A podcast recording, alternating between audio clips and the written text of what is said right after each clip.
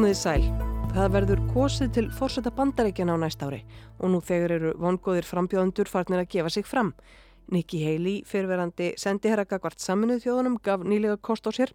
Svo er það sjálfsögðu Trump fyrirverandi fórseti og ekki má gleima Ron DeSantis, ríkistjóra Flórida, sem er sterklega búist við að bjóðu sig fram, þó hann hafi ekki tilkynnt og ofinperlega.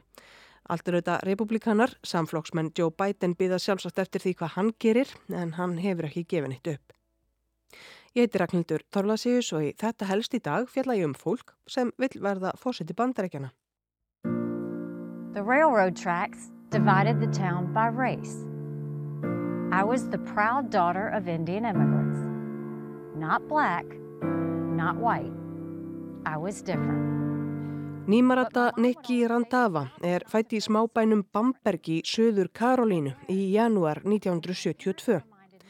Í glæniri kostningaauglýsingu lýsir hún bænum þannig að lestarteinarnir sem að lági gegnum hann hafi skipt íbúum eftir kynþætti. Sjálf hafði hún kvorki verið kvítnýja svört, hún hafi verið öðruvísi, stolt dóttir indverskra innflytjanda. Fóreldrar hennar hefðu daglega mynd þau sískinna á hvað þau væru heppin að alast upp í bandaríkjunum. And my parents reminded me and my siblings every day how blessed we were to live in America. Fóreldrar Nikkiar, hún hefur alltaf verið kölluð um millinafni sínu, eru frá Punjab, Síkar. Móður hennar er lagfræðingur, fadur hennar var prófessor við Landbúnaðarháskólan í Punjab. Hjónin fluttust fyrst í Kanada og þaðan til Suður Karolínu þar sem að fadur hennar tók við prófessorstöðu. Þau fjölskyldan voru einu indverjarnir í bænum Bamberg þar sem búa tæplega 3000 manns. Móður hennar kendi í grunnskólum aður og hún tók sér til og stopnaði fataverslun. Nikki, sem síðar varð Nikki Haley, fór að aðstóða með bókaldið í versluninni þegar hún var enná barts aldri og þar hefur kveiknað áhí á endurskoðun. Það er í það minnsta svo leið sem hún valdi sér. Nikki Haley er mentaður endurskoðandi. Hún starfaði um tíma hjá endurvinnslu aður hún var fjármálastjóri í fjölskyldufyrirtækinu. Og þaðan lág leiðin á hinn opimbera vettvang.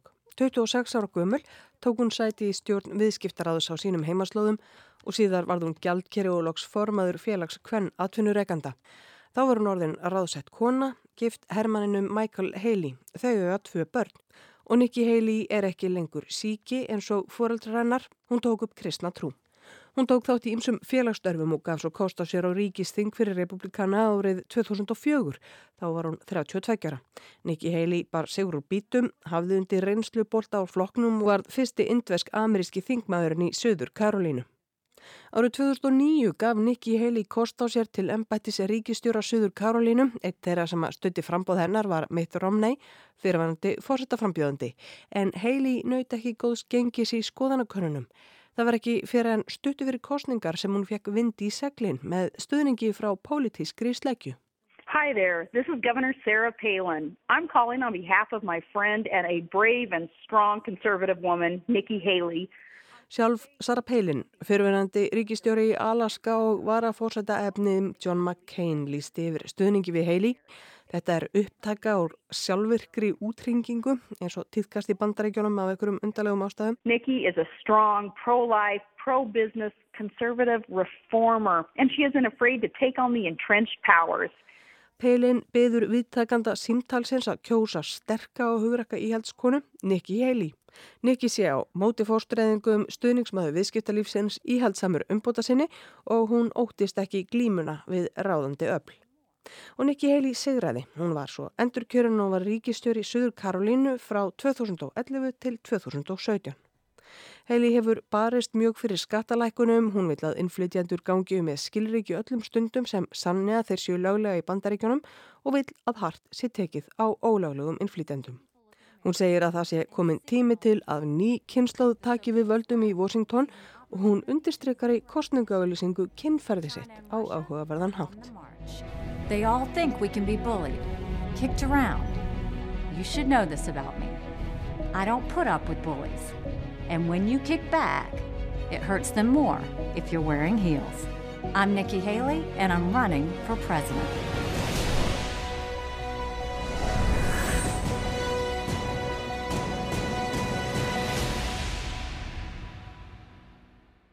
Nikki Haley er ekki þekktust fyrir að vera ríkistjóri Suður Karolínum. Heldur það að Donald Trump fyrir um bandaríkjafórsiti gerði hann að sendi herra bandaríkjana gagvart saminuðu þjóðunum. Nikki Haley sendi herra bandaríkjana hjá saminuðu þjóðunum, sagði af sér í dag. Þó að hún hefði oft verið gaggrín á orðræð og gjörðir fórsetta bandaríkjana, þver tók hún fyrir að ætla að bjóða sig fram gegn honum í næstu fórsettakostningum. It's been an honor of a lifetime. And I will say this um, for all of you that are going to ask about 2020 no, I'm not running for 2020. I can promise you what I'll be doing is campaigning for this one. Og Nikki Haley stóð við það. Hún tók ekki slægin við Trump árið 2020 en nú ætlar hún í hann. Haley er 51 árs, 25 árum yngre en Trump. Hann tilkynntu um frambóðsett í haust en hefur ekki mikið látið fyrir sér fara síðan. Það hefur sennilega verið fjallað nógum hann undanfarin misseri, gefum karlinum smá kvíld og hugum að hinum.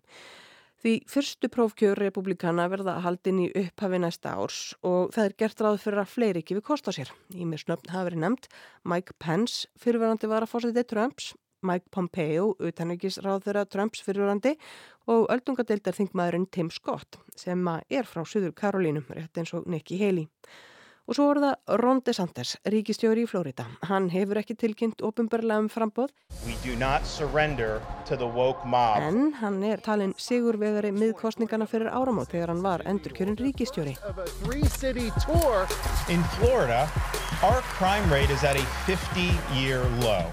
our crime rate is at a 50 year low. Hann hefur verið að ferðast um önnu ríki en Flórida núna þar sem hann hittir lauruglustjóra og heldur í framhaldinu bladamannafundi um mikilvægi laga og reglu og að sjálfsögðu er með bandariska fánan á kantinum. High crime, escalating rates, they are putting woke ideology ahead of public safety. Þriðjudaginn 28. februar kemur út bóka eftir hann The Courage to be Free Floridas Blueprint for America's Revival og það kannski hægt að snara bókatillinum eitthvað en svona hugur ekki frelsisins leiðarvísir Florida að endurreist bandaríkjana.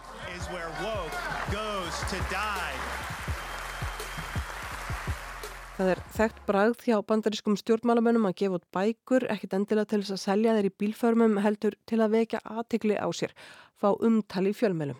Obama var til að mynda búin að gefa út tvær bækur áður en hann var kjörinn fórseti. Önnur þeirra hétt Dreams from my father, en þetta er líka önnur bók Sanders. Hinn kom út 2011 og maður vil svo undilega til að hún heitir Dreams from our founding fathers. En nógum það áhuga samir geta keift hérna nýju bók til Sandes áritað á netinu og raskar 7000 krónur og reyndar derhúfur og sundur með mynd af gaseldavélum, vassbrúsa, peysur, leiklakipur og annan frelsisvarning á heimasíðunni rondesantes.com. DeSantes verðist í byli vera sá sem að Trump stafar mest ógnaf. Trump er í það minnsta búin að finna þrjú uppnefni á DeSantes sem ég ætla ekki að hafa eftir af því að þá ekki uppnefna. Ég fjallaði um DeSantis í þetta helst í desember. Við skulum það aðeins upp. So we have an opportunity to make 2022 the year that America fought back. We're going to lead the charge here in Florida, but we need people all over the country to be willing to put on that full armor of God, to stand firm against the left schemes. You'll be met with flaming arrows, but the shield of faith will stop them. Við höfum tækifæri til að gera 2022 að árinu sem að Amerika snýrist til varnar. Við hér í Flórida ætlum að vera í fylkingarbrjósti en þurfum að virkja fólk um landa allt til að íklæðast alvæpni guðs. Kvika hvergiga hvart vélabröðum vinstrisins, logandi skeiti munum mæta ekkur en skjöldur trúar mun stöða þau. Þið munið fara með sigur af holmi. Þetta er vonarstjarnar republikanaflokksins Ron DeSantis, ríkistjóri Flórida frá 2019 endur kjörin í kostningunum fyrir skömmu. Þessa eldræðu hjælt hann á ráðstefnu íhaldsmanna í februar Conservative Political Action Conference.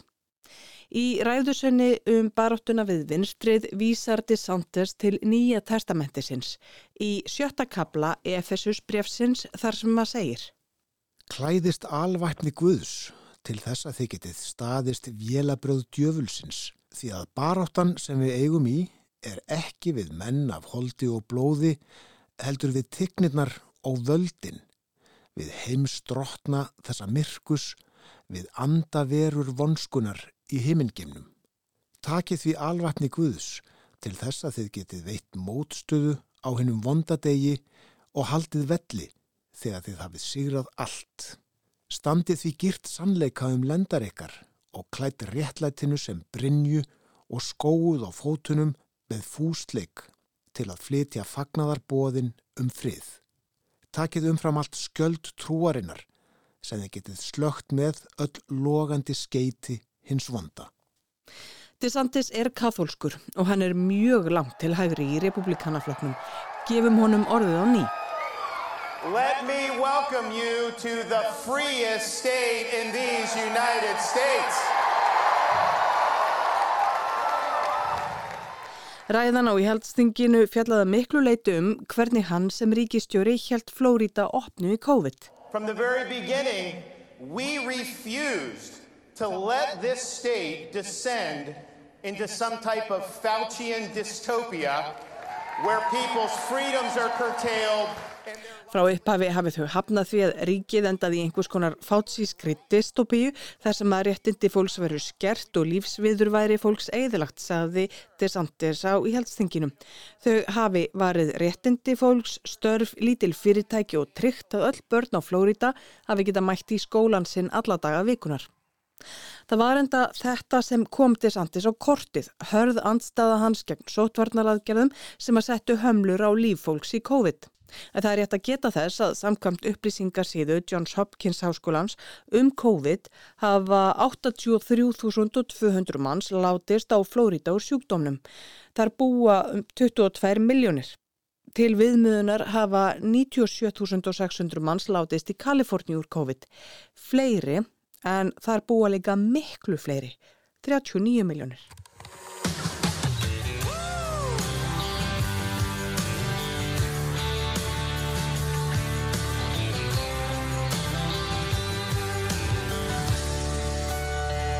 Þetta er lægið Sweet Florida, þar sem að bræðurnir Johnny og Donny Van Sant frá Jacksonville róma ríkistjóran, stjórnunar hætti hans og að sjálfsögðu Florida ríki. So don't come down here trying to change things. We're doing alright in the sunshine state. Stay out of our business, leave? our Það var einmitt í Jacksonville í Florida sem Ronald Dion DeSantis fættist árið 1978. Hann er því 44 ára. Hann útskrifaðast með prófi í sagfræði frá Yale og fór svo í laganám í Harvard. Því næst fór hann í herin, veitti Sveits jærþjálfaðra Hermanna Navy Seals, ráðgjöfi Íraksstríðinum hvað mátti og hvað ekki, hvar mörkin læju. Þegar hann kom heim gerðist hann sagsóknari og gaf í framhaldinu kost á sér til þingsetu í fulltrúadild bandarækja þings og náði kjöri. Bandarískir fjölmiðlamenn hafa undarfærið reynd að gefa almenningi myndi af þessu mögulega fórsetefni republikanaflokksins. Sumir hafa rent niður eftir til Döndín þar sem hann ólst upp til að kynna sér bæin. Fóreldrar hans, Ronald Eldri og Karen fluttu í bæin árið 1985 með Ron og sýstur hans sem nú er látin. Karen var hjúgrunafræðingur og Ronald Eldri vann við að setja upp tæki og heimilum fólks til þess að mæla áhörf þess á sjónvarp. Í Bernsku gekk hann í katholskan skóla en svo í hefðbundin gagfræðaskóla áður en hann fór í Yale. Desantes var framúrskarandi nefandi. Blaðamenn til að mynda því New Yorker og því Atlantic hafa haft upp á gömlum samnefendum, félögum úr hafnarboltaliðinu, samflokksmönnum úr republikanafloknum. Afstæðan til Desantes er vissulega ólík en þar er einhver rauður þráður. Hann sagður ótrúlega agaður, vinnusamur og hann vinnir hratt. Hann hafi ekki mætt mikið í partíu og háskóla áránum, hann hafi annarkort verið á bókasafninu eða að vinna til eiga fyrir náminu. Hann haldi sig út af fyrir sig eða til að nota klaufalegt orðalag, hann sé metnaðafullur, eldkláran, sérkennilegur, fjarlægur, einfari, horfi ekki í augun á fólki, sé gjarnan með hirnatól svo hann þurfi ekki að tala við fólk og lusta á það. En núna í haust var hann svo sannarlega segurvegar í kostningana. Í Flórida var hann endur kjörin með 60% atkvæða, fekk einni og halvri miljón fleiri atkvæðin mótherjin. En það sem meira er, hann var eiginlega tákgrætt segurvegar í kostningana á landsvísu. Margir byggust við því að republikanar myndu rúla kostningunum upp en svo gerðu þeir það ekki og þeim stjórnmálamönnum sem að Trump stutti sérstaklega gekk almennt ekki vel. Ron DeSantis fagnaði sigri eins og vera ber í siguræðu og þar gaf hann því undir fótinn eins og margar grunar að hann stefnið hærra, stefnið að því að verða fórseti bandarækjum. Accomplished more than anybody thought possible four years ago, but we've got so much more to do, and I have only begun to fight. God bless you all. Thank you very much.